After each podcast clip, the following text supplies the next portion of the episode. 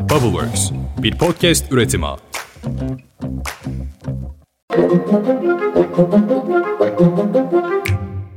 Günaydın. Bugün 31 Mayıs 2023. Ben Özlem Gürses. Bubbleworks Medya ile birlikte hazırladığımız 5 dakikada dünya gündemine hepiniz hoş geldiniz. 2023'ün ilk 5 ayını da devirdik gördüğünüz gibi. Seçime de kaldı 1822 gün. Biliyorum şakası bile fena. Ben gündeme geçeyim en iyisi.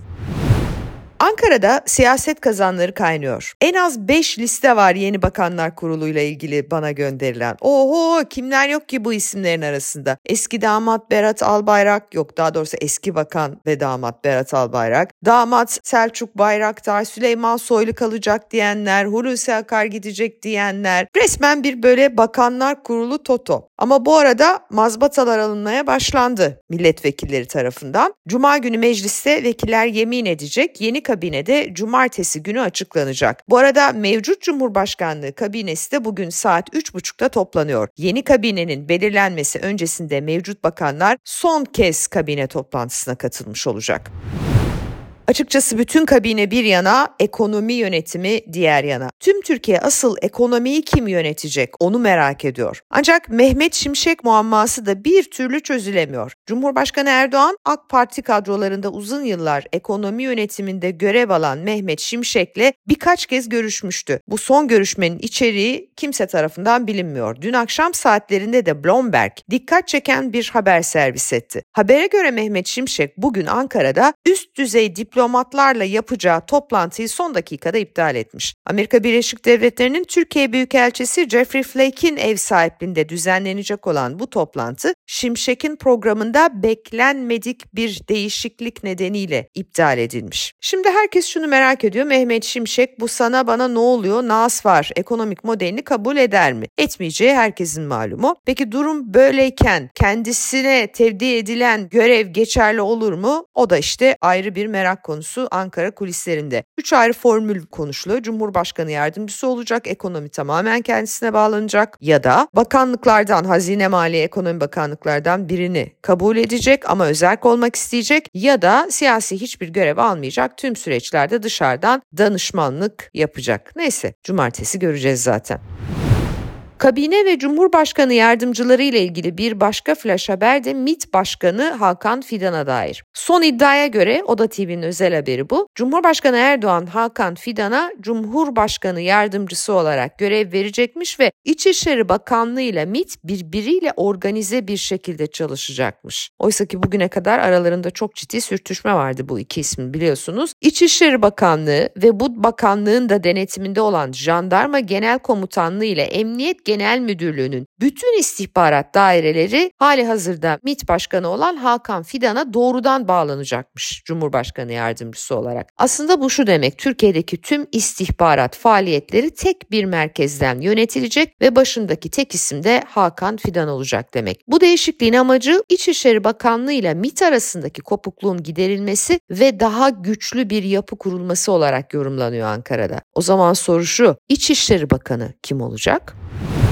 İktidar seçim kampanyasını Batı düşmanlığı üzerinden inşa etmişti hatırlayacaksınız. Haçlı ittifakı, bu Batılılara da ne oluyor, bu Amerika ne yapıyor, bütün bunlar sürekli meydanlarda anlatılmıştı. Emperyalizm, Hatta Hans, Johnny, Herkel, Frank hatırlayacaksınız. Ama işte böyle Amerikan kovboyu filan derken anlaşıldı ki İngilizler Erdoğan'ın kazanmasından çok memnun. İngiliz basınının öncü gazetelerinden olan Daily Telegraph Avrupa nefes aldı diye manşet attı. Gazete Erdoğan'ın görevine devam edişinden memnun kalmış gözüküyor. Gazetenin analizinde kabul etmeseler de Avrupa'daki liderlerin çoğu Türkiye Avrupa Birliği'ne mesafesini korudukça daha rahat ediyorlar ifadesi yer aldı. Erdoğan'ın uzun bir süredir Türkiye'nin Avrupa Birliği üyeliği amacından vazgeçtiği belirtilen analizde bu durum Brüksel'e ve üye ülkelere gayet uyuyor. Avrupa Birliği demokratik değerler ve insan haklarından bahsediyor ancak 2015 sığınmacı krizinde Suriyeli sığınmacıları ülkesinde tutması için de Erdoğan'a büyük bütçeler ödemekten kaçınmadı deniyor.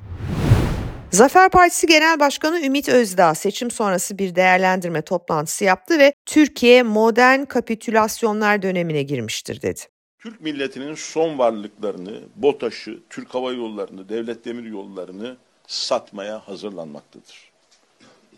Açıkçası Türkiye modern kapitülasyonlar dönemine girmiştir. Ümit Özdağ, Recep Tayyip Erdoğan'ı tebrik etmemekte de kararlı olduklarını söyledi. Bu seçimi Erdoğan sayısı Türk vatandaşlarından gizlenen, vatandaşlık verilen yabancıların oyları olmadan kazansaydı kendisini tebrik eder.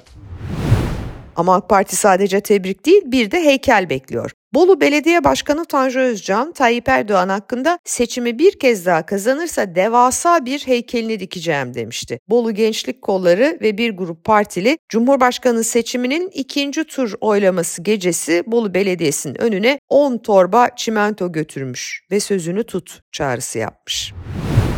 Dönelim Millet İttifakı'na ve ortak aday Kemal Kılıçdaroğlu ile partisi CHP'ye. CHP Genel Başkanı Kemal Kılıçdaroğlu 1 Haziran Perşembe günü yani yarın 13'te CHP Genel Merkezi'nde MKYK üyeleriyle bir toplantı yapacak. Seçim sonuçlarını değerlendirecekler. Parti yönetiminde bir değişiklik konusu olacak mı bunları konuşacaklar. Toplantının ardından da CHP Parti Meclisi yine Kılıçdaroğlu başkanlığında hafta sonu toplanacak. CHP'de örgütlerinde ve seçmeninde kurultay beklentisi beklentisi çok yüksek. Aday adayları şimdiden ortaya çıktı bile. Ekrem İmamoğlu atakta, Gürsel Tekin genel başkan çekilirse ben adayım dedi. Son olarak da İlhan Cihaner, kurucusu olduğu Gelecek için Biz ekibinin sosyal medya hesabından bir gönderi paylaştı. Cihaner şöyle diyor, partimizin ve ülkemizin birikimi en büyük umudumuzdur. Mücadeleye ve sorumluluk almaya hazırız. Geçmişi biz kurduk, geleceğe de biz inşa edebiliriz. Ancak Ankara'da en güçlü senaryonun yerel seçimlere seçimlere kadar Kemal Kılıçdaroğlu'nun partisinin başında kalması olduğu konuşuluyor. Bu arada Kılıçdaroğlu'nun dokunulmazlığı kalkıyor. CHP Genel Başkanı Kılıçdaroğlu Cumhurbaşkanlığı seçimini kazanamadı. Milletvekili de değil. Dolayısıyla dokunulmazlığını kaybedecek. Yeni meclis yemin edip göreve başlamasıyla birlikte yani cuma günü Kılıçdaroğlu'nun dokunulmazlığı da resmen kalkmış olacak. Hakkında 60 fezleke vardı ve bu dosyaların büyük bir kısmı Kılıçdaroğlu lehine sonuçlanmıştı ama savcılık bu fezlekeleri dava haline getirirse Kılıçdaroğlu sanık sıfatıyla mahkemeye bile çıkartılabilir. Yeni iktidar dönemi baskılarla kovuşturmalarla başladı bile. Ritük 7 TV kanalı hakkında seçim yayınları gerekçesiyle inceleme başlattı. Radyo Televizyon Üst Kurulu'nun açıklaması şöyle, milli iradenin tecelli ettiği seçim günü akşamı Fox TV'de Programcılardan Çiğdem Toker'in demokrasi sandıktan ibaret değildir şeklindeki açıklamaları ve yayının tamamı uzmanlarımız tarafından incelenmeye alınmıştır. Yine izleyicilerden gelen yoğun şikayet üzerine sandıkların açılması ve sonuçların belli olmasıyla halkı aşağılayan, hakaret ve saldırılarla Necip milletimizi küçük düşürmeye çalışan konuşmalara yer verilen Halk TV, Tele1, KRT, TV5, Flash TV ve Sözcü TV ile ilgili de inceleme başlatılmıştır. Yani sadece baskı değil şiddet de var. İstanbul Büyükşehir Belediyesi'nde İSKİ'nin Mayıs ayı olan genel kurulunda görüşmeler devam ederken salon dışında bazı AK Parti meclis üyeleriyle İBB çalışanları arasında bir tartışma çıktı ve kavgaya dönüştü. Kavgayı görüntülemek için orada bulunan Medyaskop muhabiri Ali Macit AK Partili meclis üyeleri tarafından darp edildi. Sağlık ekipleri tarafından muayene edildikten sonra hastaneye sevk edilen Ali Macit kavgayı görüntülemeye çalıştığı için darp edildiğini rapor alarak ilgili kişiler hakkında şikayetçi olacağını söyledi. Denizli'de terör örgütü IŞİD'e yönelik operasyonda bir şüpheli tutuklandı. Kimmiş bu şüpheli biliyor musunuz? 2017 yılbaşı gecesi İstanbul'daki eğlence merkezi Rayna'ya korkunç bir katliam düzenlenmişti. Hatırlıyor musunuz? Ortalık kana bulanmıştı. Saldırı sonrası başlatılan operasyon kapsamında yakalanarak sınır dışı edilmiş bu kişi Türkiye'ye yeniden girmiş. İnanabiliyor musunuz buna? Türk İş yayımladığı Mayıs ayı verilerine göre 4 kişilik bir ailenin aylık harcamalarını kapsayan açlık sınırını 10.362 lira, yoksulluk sınırını ise 33.752 lira olarak açıkladı. Aynı verilere göre bekar bir çalışanın yaşama maliyeti ise 13.439 liraya çıktı.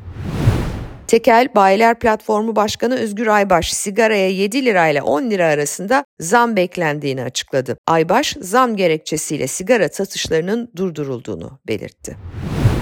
Spor Toto Süper Ligi'nin şampiyonu Galatasaray. Deplasmanda Ankara gücünü 4 golle yenen Sarı Kırmızılılar daha ligin bitmesine 2 hafta kala şampiyonluklarını açıklamış oldular.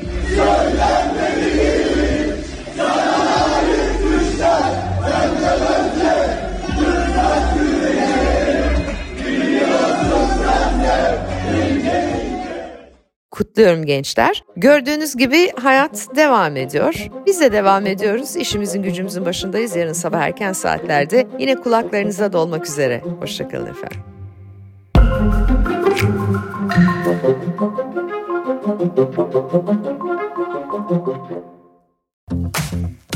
Bubbleworks bir podcast üretimi.